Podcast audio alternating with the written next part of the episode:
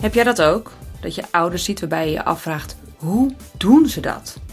Sommigen die combineren hun baan op topniveau met een gezin, sport en vaak ook nog een opleiding of vrijwilligerswerk. En bij anderen vraag ik me af vanwege hun professie of hun persoonlijke situatie. Nou, in deze podcast ga ik voor jou op onderzoek uit. Op onderzoek naar inspiratie. Zodat wij ouders van elkaar kunnen leren hoe we een relaxer en gelukkiger leven kunnen leiden. En daarmee een inspirerend voorbeeld zijn voor onze kinderen. Succesvol balanceren en succesvol opvoeden dus. Want dat willen we uiteindelijk toch allemaal, hoe we ons leven dan ook inrichten. De kandidaat van deze 34ste aflevering is auteur van het boek Hoe dan? Nou, dat op zich is natuurlijk al heel erg toepasselijk voor deze podcast. Maar er is me veel meer dat mij triggerde bij Monique Ravenstein. Op haar website schrijft ze het volgende over zichzelf: Groot denken en gewoon doen. Dat ben ik in een paar woorden. Met vallen en opstaan leef ik mijn missie waarin ik de wereld mooier achter wil laten dan dat ik haar heb aangetroffen. Daartoe benut ik mijn twee Jumbo-supermarkten, Stichting Jelink en mijn boeken en blogs. En al die activiteiten combineert ze ook dan nog eens met het alleenstaande ouderschap van drie kinderen. Waarbij ik dan dus inderdaad denk: hoe dan? En in ons gesprek deelt Monique over dat vallen en opstaan.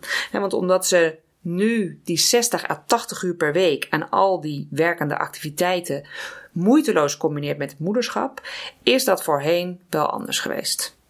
En ik vond haar openheid en nuchterheid daarover heel ontwapenend en daarnaast enorm inspirerend voor elke werkende ouder. Want Monique leeft inmiddels met veel meer energie en vreugde. En dat lijkt me iets wat we allemaal wel willen. Luister je mee naar de reis van Monique?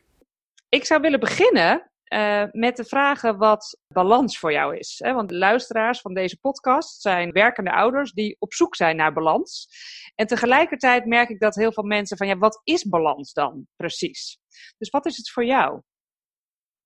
Voor mij is balans dat er evenwicht is tussen uh, mijn werkende leven en mijn privéleven. En de ene keer schiet het een wat meer door, het andere keer schiet het andere keer wat meer door. Maar voor mij eigenlijk vrijheid. Als ik vrijheid heb, ben ik in balans.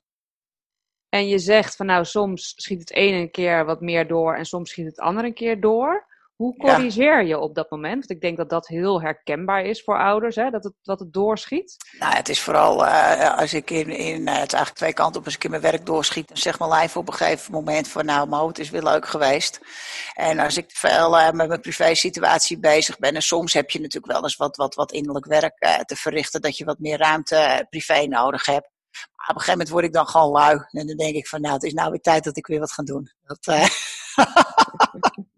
Dus dat gaat eigenlijk een beetje vanzelf, hoor ik. Ja, ja het, is, het, is, het is vooral goed luisteren naar wie ik ben.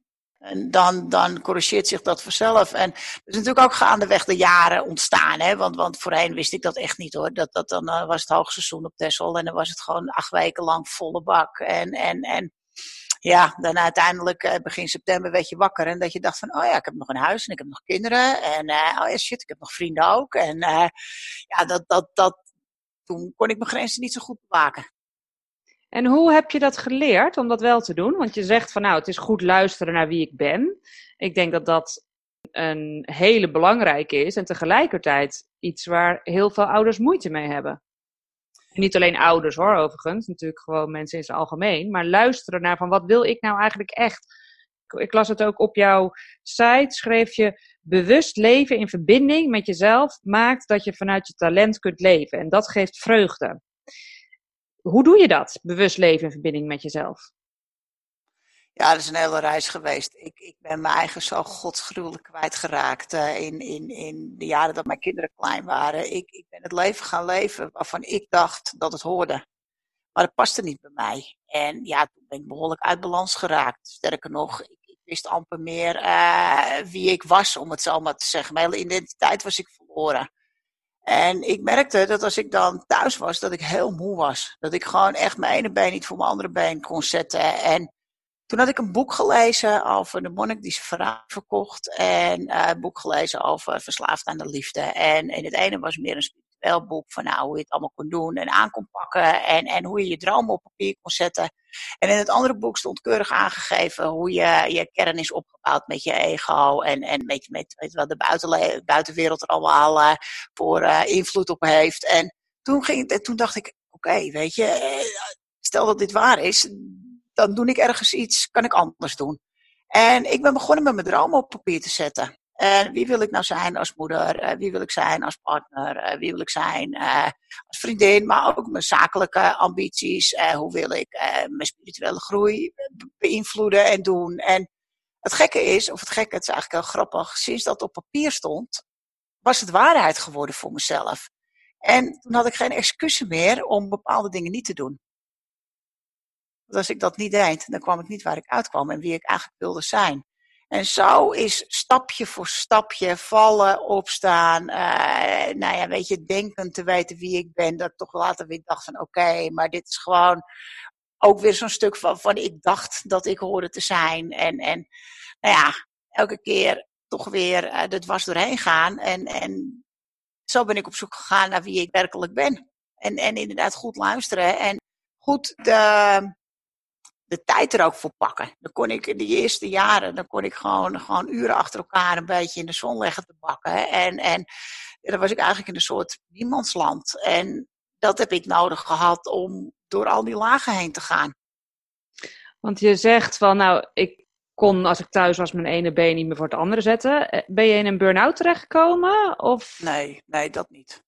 Nee, maar was dat energie voor jou echt het punt om aan de bel te trekken en aan de gang te gaan? Ja, het is eigenlijk begonnen dat mijn jongste dochter geboren was en die lag op mijn buik. En uh, toen op een gegeven moment, van die prachtig mooie blauwe babyogen, keek ze me aan. En toen schoot het door mijn hoofd heen, daar zit een oude ziel in. Ja, ik was nog nooit met die dingen bezig geweest. Ik dacht altijd van, nou weet je, doei. En, en, maar ik wist dat het waar was. En ergens is er toen iets aangeraakt in mij. En, en ben ik me gaan herinneren wie ik werkelijk was. En daar kwam ik toch eigenlijk bij dat meisje uit, wat ik vroeger uh, was. Weet je, dat, dat, dat dansende, spelende meisje die onbevangen in het leven stond. En nou ja, dan in combinatie met het lezen van die boeken. En dan komt er natuurlijk ook allemaal artikelen komen er opeens langs waar, waar zulke dingen in staan. En, en nou ja, langzaam begon de herinnering terug te komen. Maar ook vooral het verlangen. Weet je, en, en ik denk dat verandering komt door pijn of door verlangen. En bij mij was het gewoon het verlangen naar mij. Om, om uiteindelijk wat ik wist ergens, dat die Monique van een paar jaar terug, dat dat niet de Monique was die in mij woonde. En ja, op een gegeven moment toen was het voor mij gewoon klaar. En toen is die knop omgegaan. En dat is met hele kleine stapjes gegaan hoor. Het is niet van vandaag op morgen uh, was dat klaar. Het begon ermee dat ik was al tien jaar ondernemer. En uh, ik heb supermarkten. En wij liepen, ik liep altijd nog gewoon in bedrijfskleding. En dan was ik vervolgens pissig dat ze mij voorbij liepen naar mijn man toe als zijnde de ondernemer.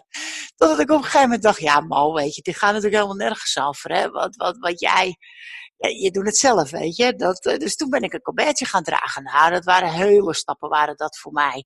Terwijl, het is altijd mijn missie en mijn visie geweest in, in, in het bedrijf. Alleen ik durfde nooit. Dus wat deed ik? Ik stuurde mijn ex-man erop uit om het voor me te regelen ja, kreeg ik natuurlijk nooit helemaal wat ik wilde. En, en, dat zijn natuurlijk ook van die dingen die allemaal meewerken om uiteindelijk weer, weer terug te keren. Als je daar bewustwording op krijgt. Dat ik, ik dacht, ja, dal, wat had ik nou verwacht, weet je. Dat, uh, ja.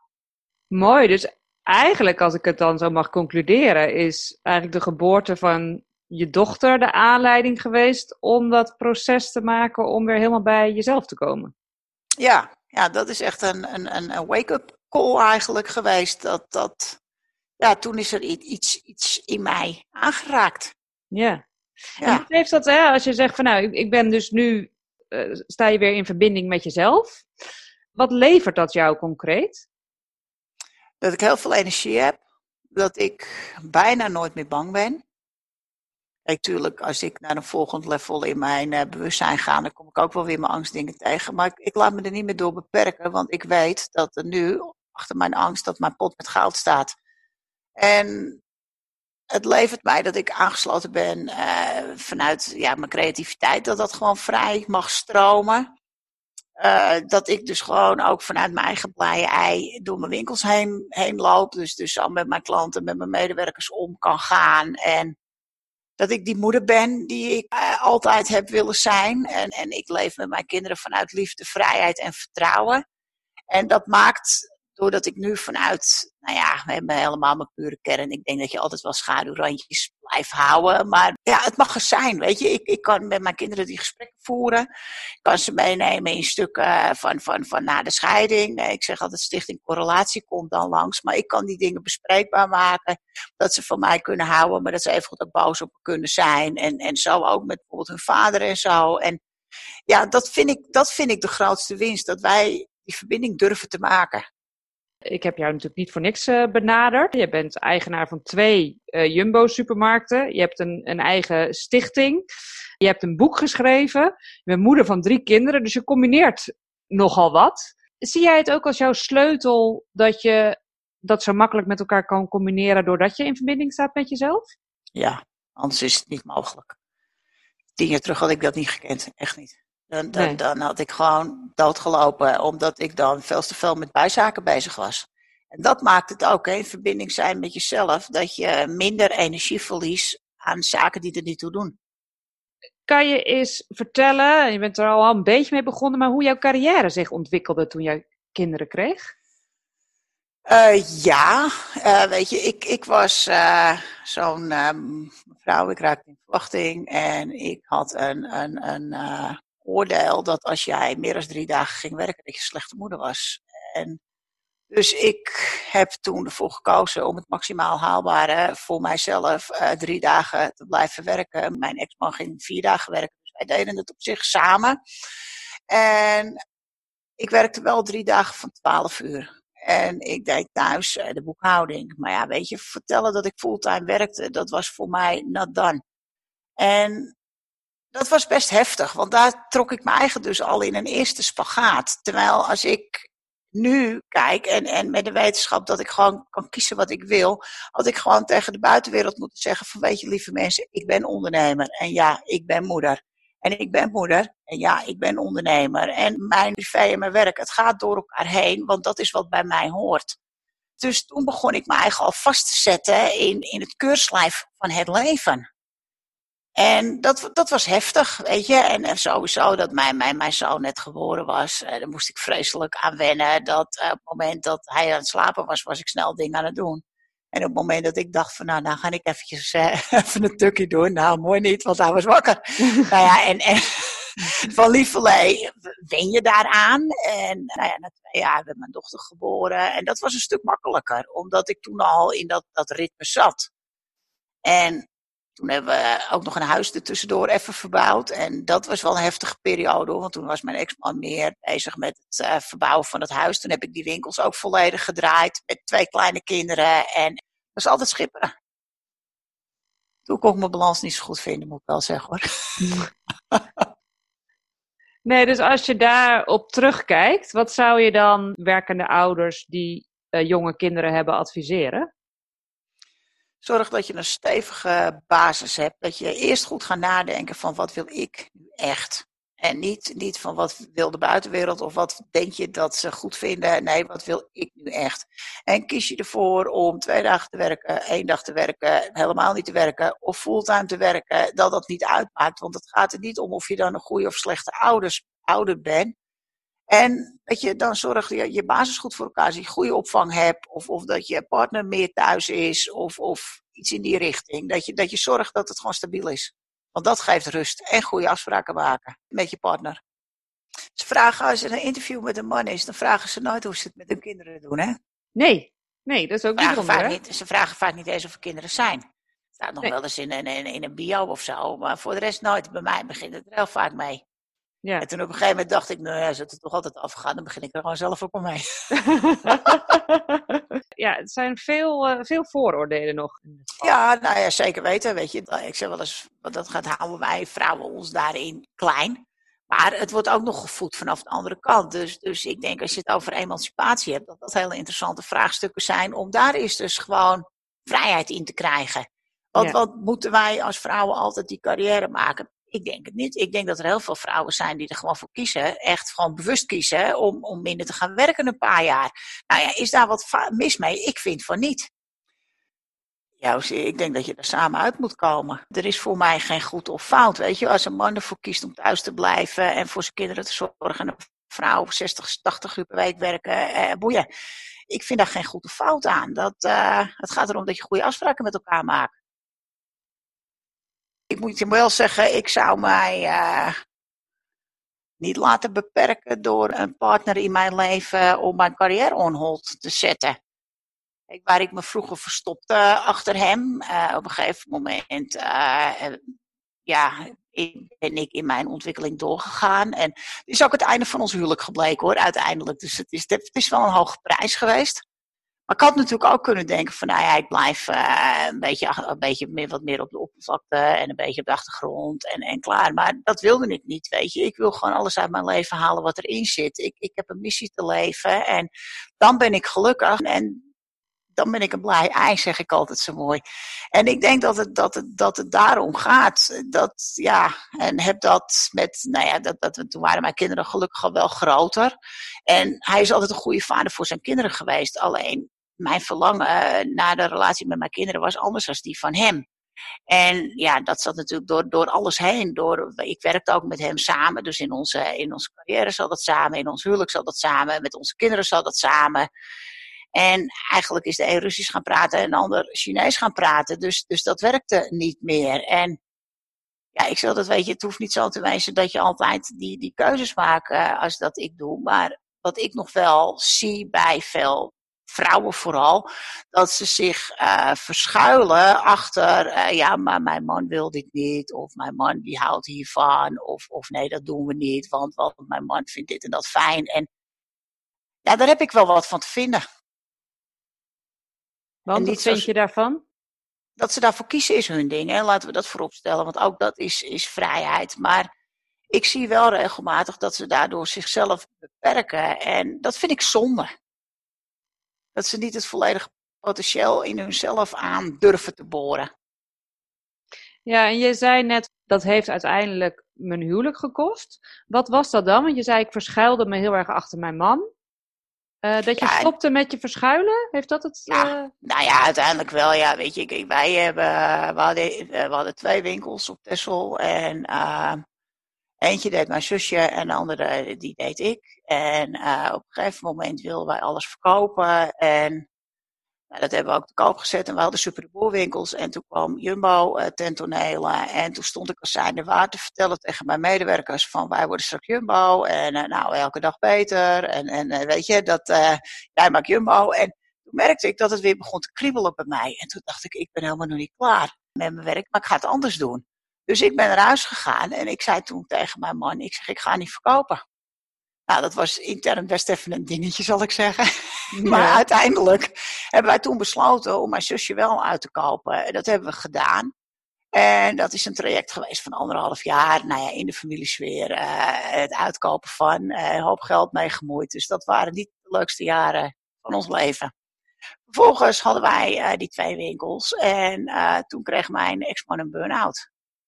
En dat is een moment geweest dat is echt zo'n kantelpunt in mijn leven geweest. Dat, toen had ik echt paniek gehad hoor. Dat ik echt dacht, hoe ga ik dit doen? Ik heb drie kleine kinderen, ik heb twee winkels, ik heb nog geen bedrijfsleiders. Hoe dan? Maar ja, toen moest ik. Weet je, je zit in een rijdende trein. En uh, toen hebben we afgesproken dat, dat hij meer de zorg voor de kinderen op zich is gaan nemen. Meer de back-office is gaan doen. En ik ben aan de gang gegaan in die winkels. Ja, en toen kwam ik erachter dat ik zelf eigenlijk hartstikke veel kon. En dat ik het heel leuk vond. Maar god, wat kwam ik me eigenlijk vaak tegen. Weet je, uiteindelijk kwam ik erachter dat ik zelf de grootste, de grootste rem was in, in de ontwikkeling van mijn organisatie. Ja, en dan ga je veel makkelijker spitten op een gegeven moment in jezelf. Je komt situaties tegen, uh, je wordt manser. Toen is er na een jaar of twee nog een winkel bijgekomen. Ik had toen gehoord dat er uh, ja, nou, aan, de, aan de overkant, zoals wij op Texel dan zo mooi altijd zeiden, dus aan de vaste wal, een winkel mocht komen op de plek waar ik, uh, nou ja, de buurt waar ik ben opgegroeid. En dat Jumbo dat niet wilde. Dat kan niet waar zijn, hè, want het was echt een gouden kans. Dus ik heb toen uh, al mijn charme en passie in de strijd gegooid bij een directeur van Jumbo. Want ik denk dat de Van der Keis, die winkel, die is voor mij. En dat is gelukt. En toen kregen wij drie winkels. En ik werd toen als contactpersoon naar voren geschoven. Dus toen kon ik me helemaal niet meer verstoppen. Hè? Want, want dat deed ik in het begin natuurlijk nog wel eens. Dat ik hem gewoon af en toe, uh, ja, altijd uh, de rotsjoutjes liet, uh, liet regelen. En, maar ja, uiteindelijk, weet je, doordat ik mijn zelfvertrouwen groeide, mijn eigenwaarde groeide, maakte ook dat ik over tussen ons groter werd. Ja, en uiteindelijk paste het gewoon niet meer. Nee. Weet je, ik, ik was op een gegeven moment bijna niet meer thuis. En toen dacht ik, dat kan ook niet waar zijn. Hè? Want dan ben ik ook niet die moeder die ik wil zijn. En op een gegeven moment kwam er een moment dat ik niks anders meer kon als concluderen dat wat ooit heel mooi begonnen was, dat het gewoon eindig was. Ja, en toen heb ik de stekker eruit gehaald. Ja, en toen uh, zegt hij op een gegeven moment, hij zegt, waar ga je wonen als je de kinderen niet hebt? Daar had ik er nooit over nagedacht. En toen dacht ik, ik wil helemaal niet meer op Texel wonen. Dus toen heb ik bedacht van, nou ja, dan ga ik terug naar de overkant. Daar ben ik ook uh, geboren. En, maar ja, ik ga ik dat met mijn kinderen doen. Dus toen uh, heb ik eerst twee huizen gehad. Toen heb ik op Texel een huis gehad uh, voor de week dat ik dan voor mijn kinderen zorgde. En ik had in Horen heb ik een huis gekocht. En daar was ik dan die week dat ik alleen was. En het eerste jaar had ik mijn winkels op Texel nog. Dus dat, dat ging goed, weet je. Dan kon ik dat combineren. En voor mijn kinderen was dat ook prettig, weet je. Ja, ze hebben daar school en alles. En het tweede jaar hebben wij zakelijk alles uit elkaar getrokken. Want ja, weet je, onze keukentafel was weg, dus dat werkte zakelijk ook, ook niet meer. En dat heb ik toen nog een jaar volgehouden. En op een gegeven moment, ik had een oud leven en ik had een nieuw leven. En daar zat dus geen balans in. En toen op een gegeven moment, ik schrijf dingen op. Hè. Als ik merk dat er een onrust in mijn lijf zit, dan schrijf ik het op. Dus ik had opgeschreven van, van waar zit je onrust als je op Tessel bent. En dat had ik op mijn keukentafel gelegd.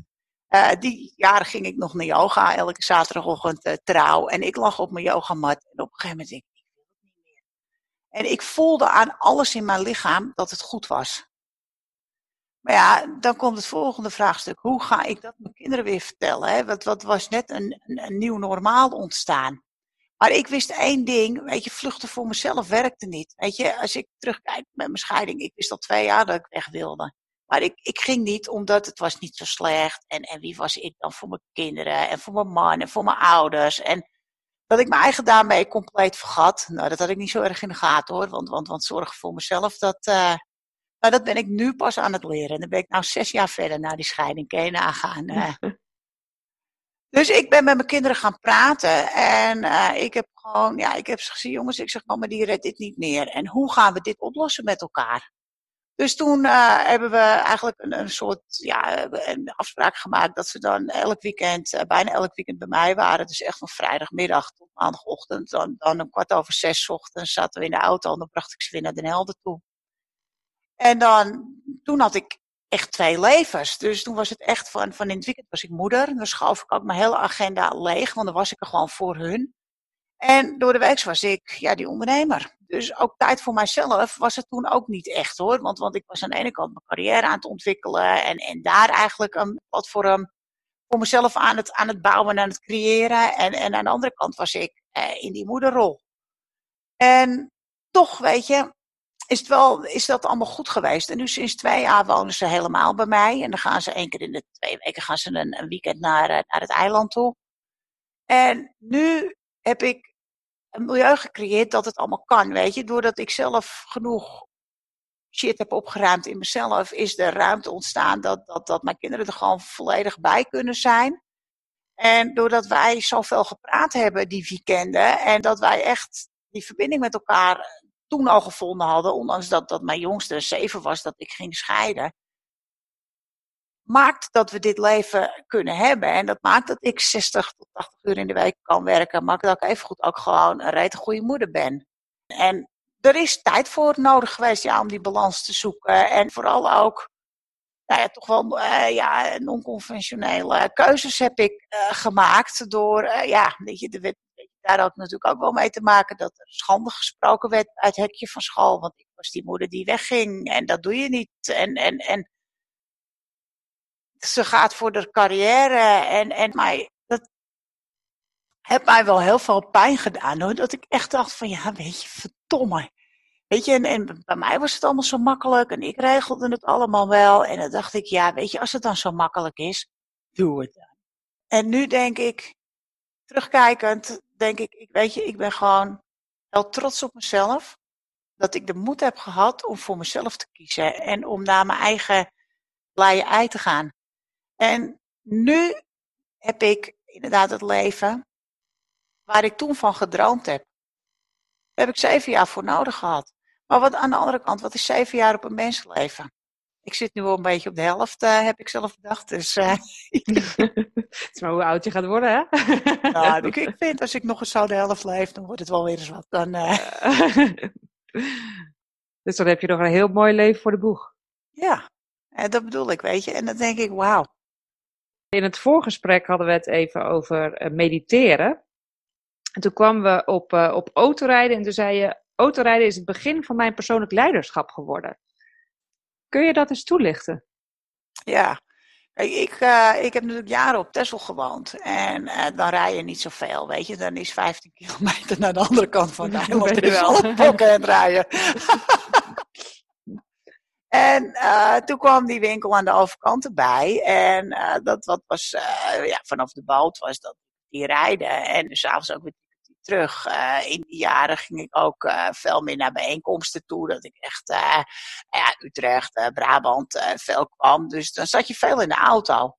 En dan had ik buiten links en rechts een telefoontje. Heb je dan gewoon je muziekje en je hebt de weg. En dat maakte dat ik ja, eigenlijk al mijmerend en ook wel herinneringen terughalend van vroeger of uit mijn leven, dat ik tot inzichten kwam. En dat ik echt dacht, shit man, dat weet ik gewoon altijd. Oké.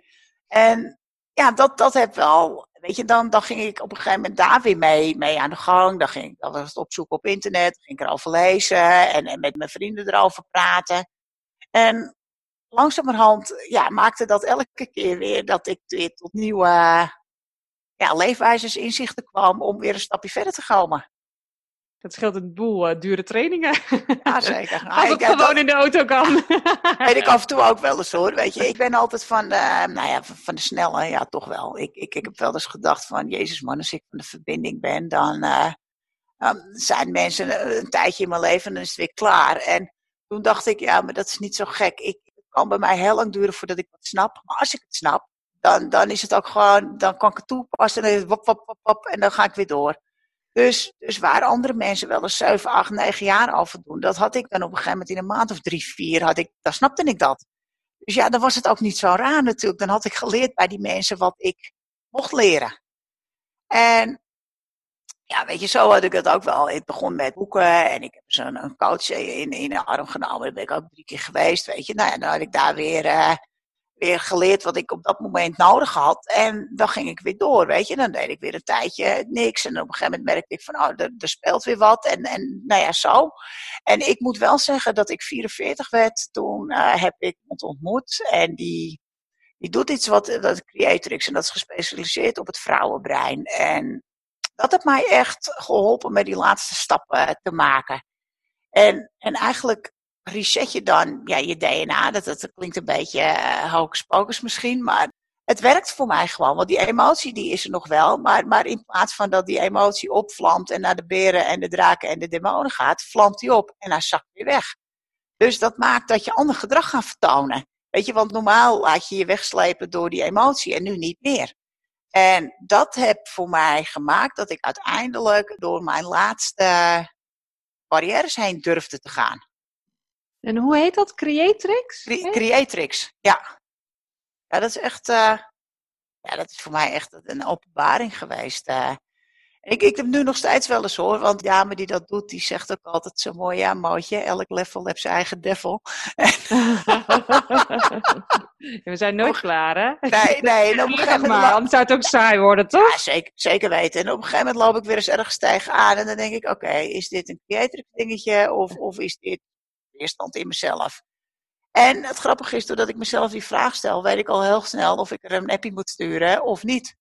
En het is gewoon heel makkelijk, want dan ga je daarheen en ik loop daarna weer eruit. En dan is die emotie, die komt nooit meer in die heftigheid terug. Wat natuurlijk maakt dat je daarna moet je gaan leren hoe je daar dan wel mee om moet gaan. Hè? Want het is niet gewoon even uh, hocus pocus pilates en het is klaar. Maar wel dat je door die emotie niet meer opvlamt, dat je inzicht krijgt in je eigen patronen. En dat geeft gewoon uh, kans tot uh, verandering. Ja, ik ken het niet. Ik ga het opzoeken. Het klinkt een beetje uh, als Theta. Dat is wat ik ook toepas. En mm -hmm. dat heeft ook eigenlijk over het herprogrammeren van bepaalde overtuigingen met name te maken. En bepaalde overtuigingen waar we ons, ja, die leiden ons eigenlijk ons wat we doen. Eh, bijvoorbeeld inderdaad wat jij in het begin zei vanuit de overtuiging dat ik een goede moeder ben als ik maximaal drie dagen werk. Maar er zitten ook heel veel overtuigingen in ons systeem waar we ons eigenlijk niet eens heel bewust van zijn. Zelfs dingen die we van voorouders of andere dingen meekrijgen. En, door, en die gewoon in ons systeem zitten. En dat we daar helemaal niet bewust over nadenken. Maar die vaak wel belemmerend zijn.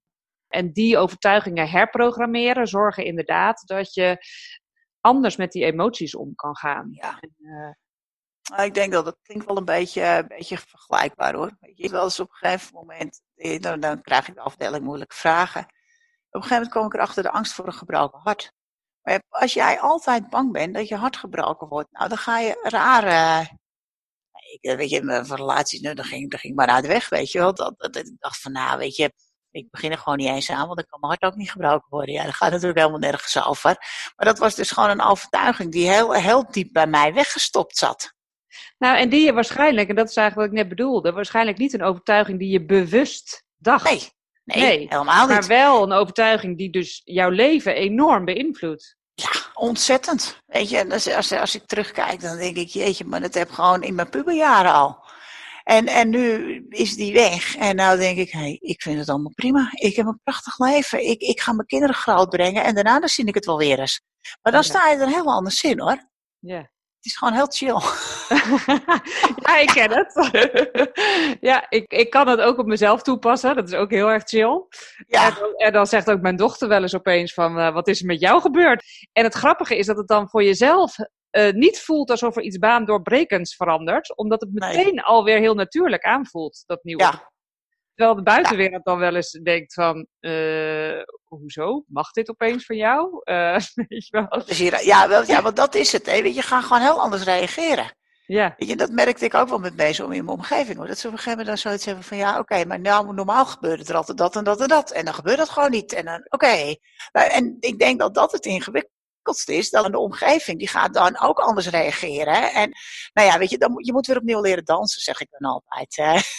Ja, mooi. Hey, ik ben ook even benieuwd, uh, uh, want jij hebt nu nog twee Jumbo-supermarkten.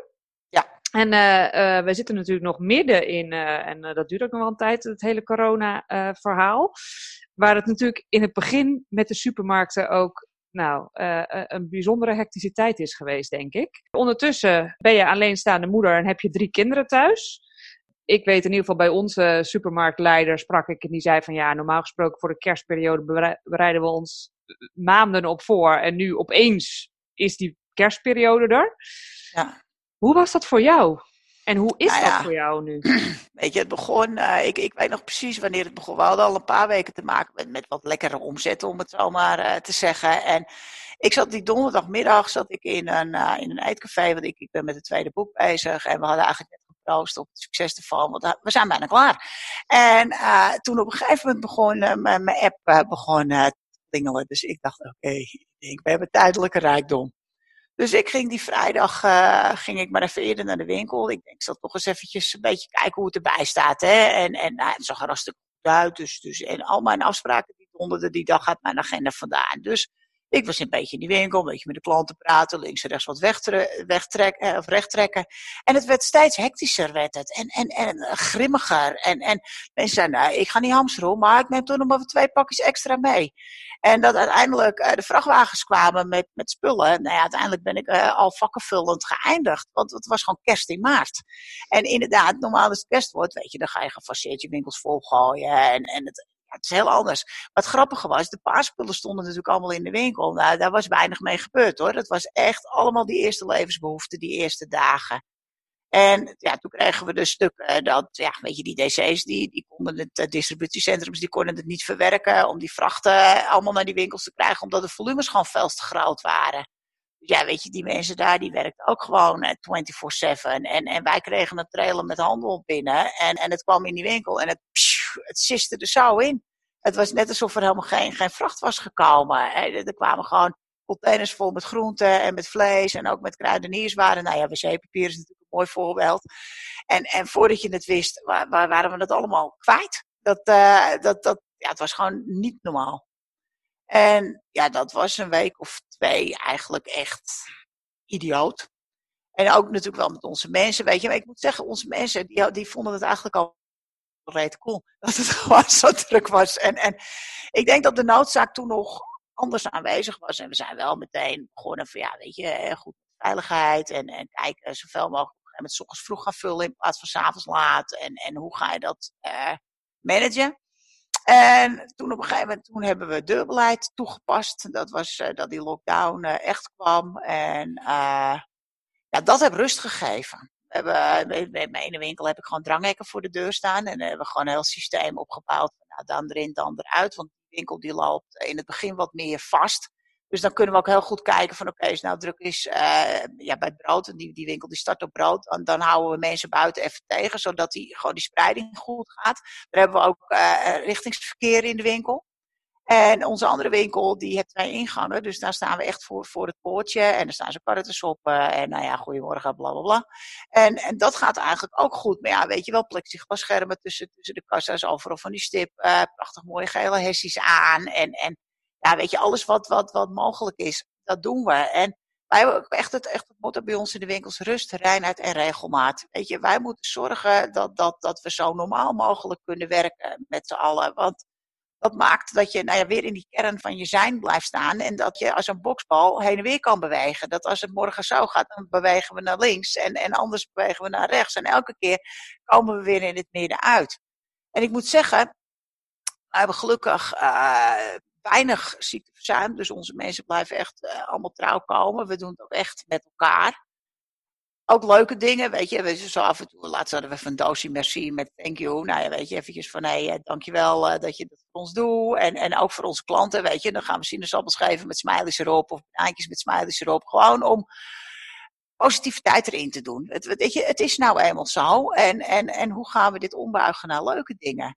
En ook wel, hè, dan, dan, dan heb je natuurlijk een tijdje waren die tulpenboeren, die, uh, ja, die konden hun tulpen niet kwijt. En, en op een gegeven moment dacht ik, weet je, gooi maar bij ons in die winkel neer. De, de omzet is voor jullie en klaar. Weet je, dat je leert delen. En, en dat merk je, dat mijn medewerkers, maar ook, ook mijn klanten vinden dat superleuk. Hè? Dat je gewoon, ja, eigenlijk je platform durft te delen. En, en ik denk ook dat dat de periode is wat wij nu mogen leren. Dat wij naar een nieuw soort samenleving toe gaan.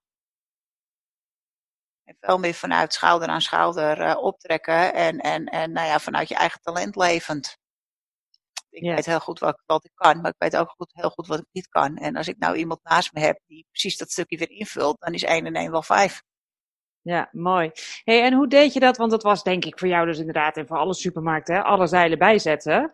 Maar, maar thuis heb je nog drie kinderen. Hoe ging dat?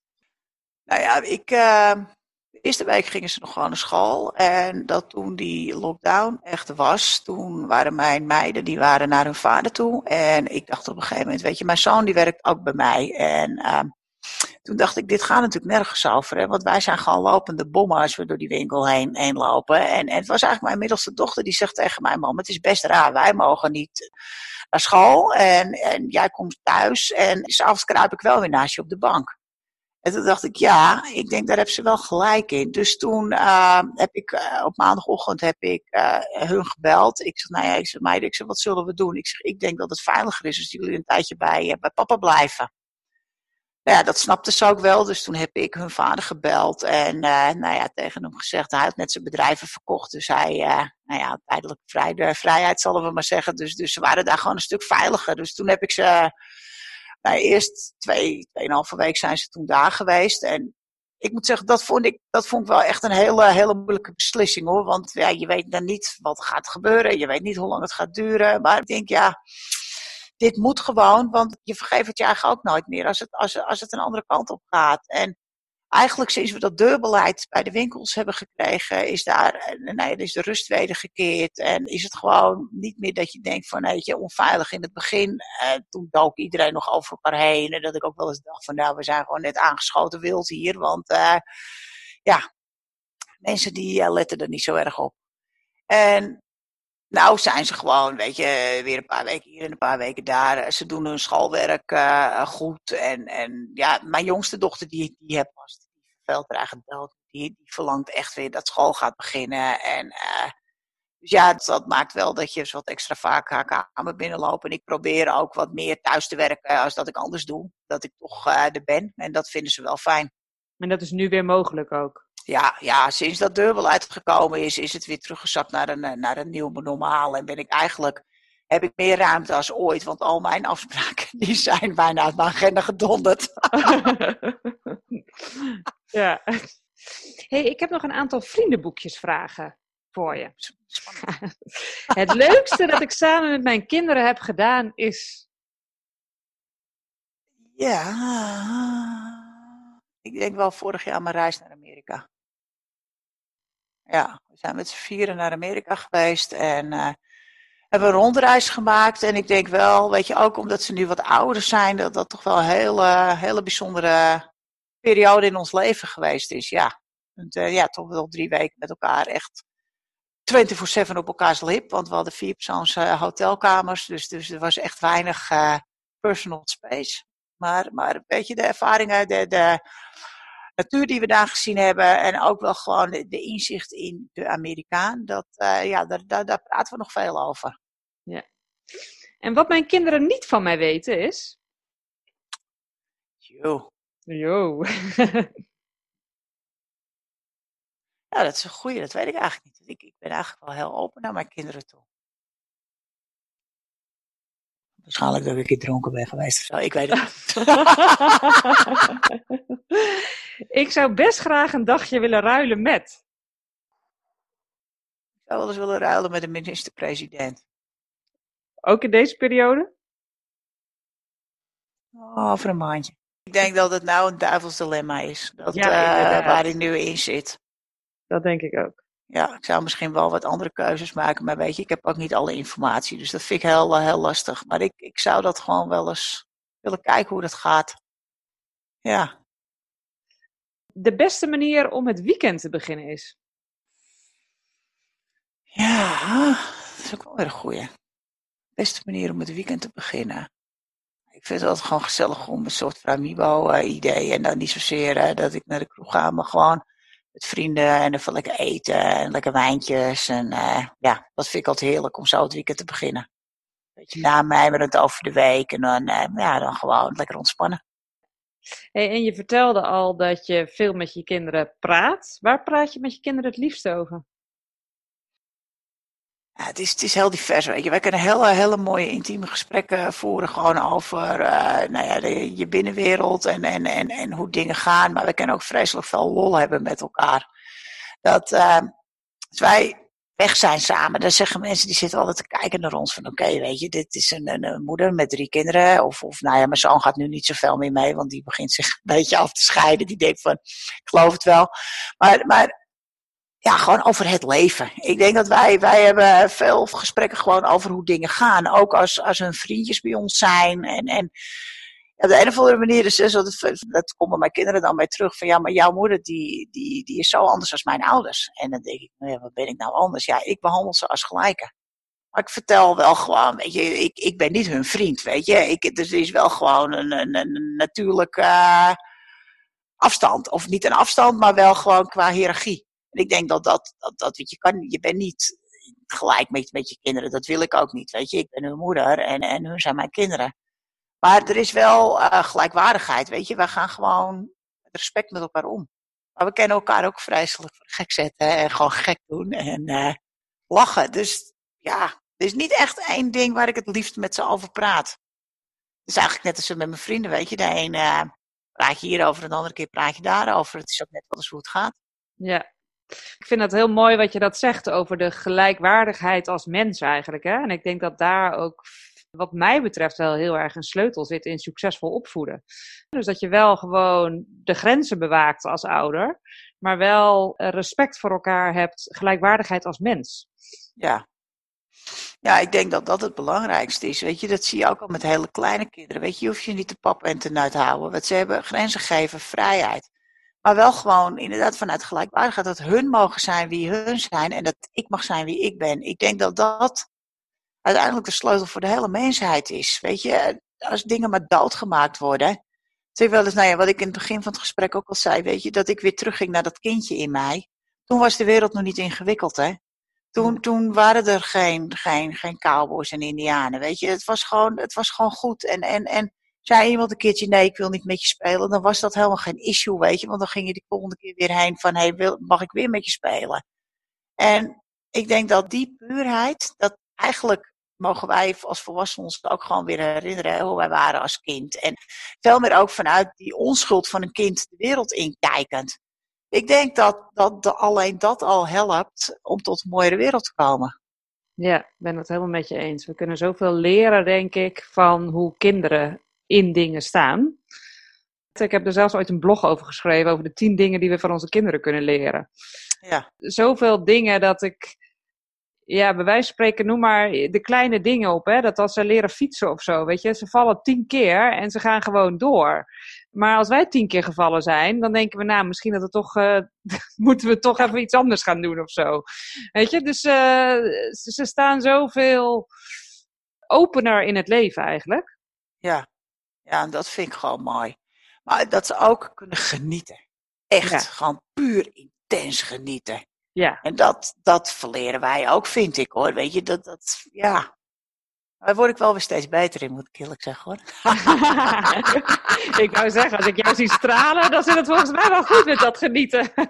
ja, maar weet je, maar, maar ik kan ook genieten van stukken waar ik nu doorheen ga. En natuurlijk is het soms heel heftig. Weet je, datzelfde dat, dat mensen vinden dat ze niet mogen huilen. En dan zeg ik, waarom mag je niet huilen? Ja, maar dan ben ik zwak. Ja, maar ik zeg, wie zegt dat? Ik zeg, ik geloof daar niet in. Ik zeg, ik vind het juist mooi als jij je emoties durft te laten zien. Dat jij durft te huilen. En daar is niks verkeerds aan. Maar dat is ook zo'n overtuiging. Ik, zie een beetje, ik zeg, wees blij dat die shit eruit komt. Ik zeg, wel, dat geeft weer ruimte voor nieuw. Ik, weet je, ik zeg, ik, ik ga wel eens door periodes in mijn leven heen. Dat zijn niet de makkelijkste. Maar ik weet wel dat, er, dat aan de overkant, dat daar eh, die pot met goud staat, bij wijze van spreken. En dan geniet ik ervan om door die processen heen te gaan. Maar dat maakt het zoveel lichter voor jezelf.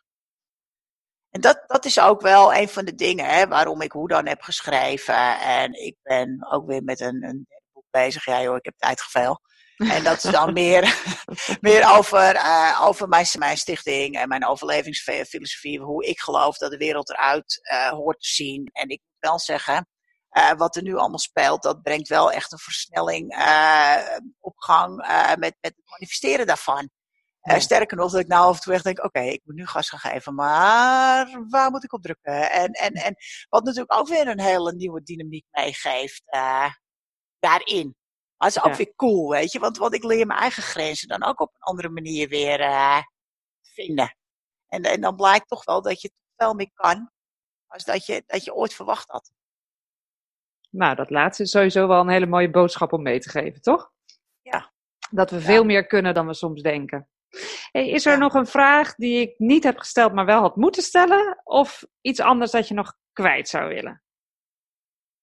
Nou, ik zou nou ja, gewoon, gewoon een oproep van durf, durf te leven, durf te zijn wie je, wie je werkelijk bent. En, en ik zeg altijd, weet je, durf als een tinkerbel door het leven te gaan. Een beetje ondeugend, een beetje spelen, maar altijd met het goede voor ogen. En uiteindelijk die wereld zo met elkaar mooier achterlaten dan dat we haar hebben aangetroffen. Durf als een tinkerbel door het leven te gaan, die vind ik ja, prachtig. Is cool, hè? Ja. Ja. Ik denk dat, het, dat, dat als we dat met z'n allen doen. Ik zeg wel eens, weet je, ik denk dat, dat God in ons buik woont. En, en, en dat we een lichtje in ons buik hebben. En op het moment dat je als een tinkerbel door het leven durft te gaan, schijnt dat lampje. En als we dat allemaal doen, hè, dan, dan hebben we geen, geen oorlog meer. We kan me toch ook niet voorstellen dat we uit zijn naam oorlog gaan voeren. En mijn inziens heb God dat zo bedoeld. En dat is ook wat ik met Jeling voor ogen heb. En niet dat ik hem zo, zo heftig inzet, maar gewoon met hele aardse dingen. Weet je, mens, neem je verantwoording. Weet welke knoppen jij zelf kan drukken om uiteindelijk die wereld mooier te maken. Wat, wat als je alleen al met, met, met circulair ondernemen, weet je, nee, dan, dan zeg je, ja, maar ja, de, ja, de zonnepanelen, de elektrische auto's, dat kan ik allemaal niet betalen. Ja, en dan, maar wat kan je wel? Ja. Je kan wel gewoon uh, je eten bewaren en weer opwarmen. Je, je, je afval kan je scheiden. Uh, je kan dat, dat ene pakje soep wat je in je kast hebt leggen aan de voedselbank geven. Weet je, er zijn zoveel voorbeelden wat je wel kan doen. En dat is wat wij vanuit, vanuit Jelink doen. Wij maken dingen klein. En wij hebben bijvoorbeeld, nou ja, wat ik vertelde met onze derving vanuit mijn supermarkt. De ene gaat naar compost, die andere die gaat naar een no waste factory. Daar maken we uh, weer maaltijden van. Dat gaat uh, naar uh, daklozen. die, die maaltijden worden weer gemaakt met mensen vanuit, ja, met een verhaal noem ik ze altijd. Participatie zo'n zo'n rotwoord. dus die mensen die hebben daar dagbesteding, gaat naar de daklozenopvang, wordt verkocht in een no-waste winkel. En wat dan nog niet wordt verkocht of, of wordt genuttigd, dat gaat uiteindelijk naar de kinderboerderij of wordt vercomposteerd. Zo maak je cirkels echt rond. En dat is wat er in deze tijd zo verschrikkelijk hard nodig is. Afval is geen afval. Hoe gaan we kijken dat we ons afval langer blijven gebruiken? want wij zitten echt, ik zeg wel, wij zijn kapot gegaan aan onze overvloed. En nou ja, dat kan gewoon niet meer. Wij putten onze aarde uit, wij geven niet veel eraan terug. En hoe ga je dat dan doen? Zonder te veel afbreuk te doen aan de kwaliteit van het leven wat wij nu hebben. Want ik hou ook van een luxe leven. Ik vorig jaar ook vier keer uh, met mijn kont in een vliegtuig gezeten. Dus eigenlijk acht keer. Ik ben ook nog weer teruggekomen. En ik hou ervan om naar vreemde landen te gaan. Om daar de cultuur op te doen. Om daar veel van te leren. Met andere mensen eh, te ontmoeten. En dus mogen we dan niet meer vliegen? Of gaan we kijken hoe we zuiniger kunnen gaan vliegen? Nou ja, weet je, dat soort vraagstukken. Weet je, we kunnen zoveel. En als we nou gewoon eens een keer het geld niet altijd dominant laten zijn, maar veel meer vanuit die kennis durven delen en die overvloed gezamenlijk pakken, dan komen we al een heel eind. Maar dat maakt wel dat je een heel ander competentieraster ook weer van, van je medeburgers uh, aanraakt. Want dat betekent dat, dat, dat, dat rijk worden, dat het niet meer per se bovenaan staat. En je hoeft met mij geen medelijden te hebben, want ik, ik heb het meer als goed. En daar geniet ik ook ontzettend van. Maar ik, ik hoef niet rijker te worden als dat ik nu ben. Ik hecht er geen waarde aan om, om allemaal uh, kleding van Gucci of weet ik veel wat te hebben. Of een flesje van 1000 euro op te drinken. Maar ik denk wel van, van ik wil wel gewoon een gezond leefmilieu achterlaten voor mijn kinderen en de generaties daarna. En ik denk dat als we allemaal ons gewoon eens bewust raken van, oké, maar vlucht ik niet in bepaalde dingen? Of ja, doe ik wel, wel, wel goed wat ik wel nog niet doe? Weet je, datzelfde, dus, ja, je mag niet te veel drinken. Nee, je mag niet te veel drinken, maar een keer dronken worden, dat kan soms ook heel erg goed helpen. En dat, hoort, dat is ook het leven. Weet je, dat vind ik wel eens moeilijk. Dat soms gaat het heel erg door naar een, een kant dat je niks meer mag. Maar voor mij is duurzaam leven is gewoon leven wie je bent, zolang je maar bewust bent wat je doet. Op het moment dat ik drie flessen wijn leeg drink en ik eet eh, vijf bonken kaas op, dan weet ik één ding. Ik heb de volgende dag, ik heb een hele leuke avond gehad. Ik, waarschijnlijk de dag erop heb ik hoofdpijn. En, en zolang ik dat niet elke avond doe, is er helemaal niks mis mee. En ja, weet je, ook daar, nou dan kom je weer op dat balansstuk. Uh, durf je gewoon in balans, vanuit balans van jezelf je leven te leiden met je, mede, met je medemens. En ik denk dat wij vele maatschappelijke vraagstukken uh, door, door, door op deze manier van, van, van denken en kijken op kunnen lossen. Doordat je dan veel meer uh, het grote gemene deel, uh, de grote gemene deler pakt. En dat je kwetsbaar durft te zijn. En ik denk dat we, nou dat denk ik niet. Ik weet dat dat het begin is van een andere wereld. Nou, ik kijk uit naar die wereld. Ja, ik ook. En ik gebruik mijn cirkel van invloed uh, om die te bewerkstelligen. En gelukkig velen met mij, hè, want dit soort dingen doe ik niet alleen. Dat zou ik nooit kunnen. En ook dat is heel fijn hoor, dat je gewoon met mensen samenwerkt die diezelfde gedrevenheid en passie in het, in, het, in het leven staan en gewoon samen mooie dingen doen. Ja, mooi. Dankjewel Monique. Ik um, vind je een erg inspirerende vrouw. Nou, dankjewel. Dus dankjewel dat je de tijd nam voor dit interview. Ja, nou, jij dankjewel dat ik mijn eerste podcast op mocht. Ik ben me er enorm van bewust dat deze huidige periode voor veel mensen veel verdriet en onzekerheid met zich meebrengt. En tegelijkertijd ben ik ook benieuwd hoe corona ons in een stroomversnelling brengt naar die mooiere wereld die Monique omschrijft. Ik hoop het. Ik heb een paar aanvullingen op het mooie gesprek dat ik met haar had. Want Monique vertelde aan het begin vrij snel over een aantal belangrijke boeken voor haar. En ik heb allebei die boeken ook gelezen en ik kan ze je van harte aanraden. Het eerste is De Monk Who Sold His Ferrari, wat geschreven is door Robin Sharma. Zij noemde de Nederlandse variant, ik noem bewust de Engelse variant, omdat ik als tip heb gekregen dat daar de boodschap nog veel krachtiger in overkomt. Sommige dingen zijn nou eenmaal net niet zo heel lekker te vertalen. Maar ik heb de Nederlandse variant niet gelezen, dus ik kan er niet over meepraten of die net zo prachtig is. En het andere boek is Verslaafd aan Liefde van Jan Geurts. En daarnaast vertelde Monique over het herprogrammeren van belemmerende overtuigingen en hoe enorm krachtig dat is als je veranderingen in je leven wilt bewerkstelligen. Nou, ik doe dat ook middels mijn coaching. Dus wil jij nou weten wat er voor jou daarmee mogelijk is? Neem dan even contact met mij op via www.succesvolbalanceren.nl. Daar staan al mijn gegevens. En wil je tenslotte meer weten over Monique, haar boeken, haar winkels of haar stichting Jelink? Ga dan naar www.moniqueravenstein.com. Ik wens je een hele fijne dag verder.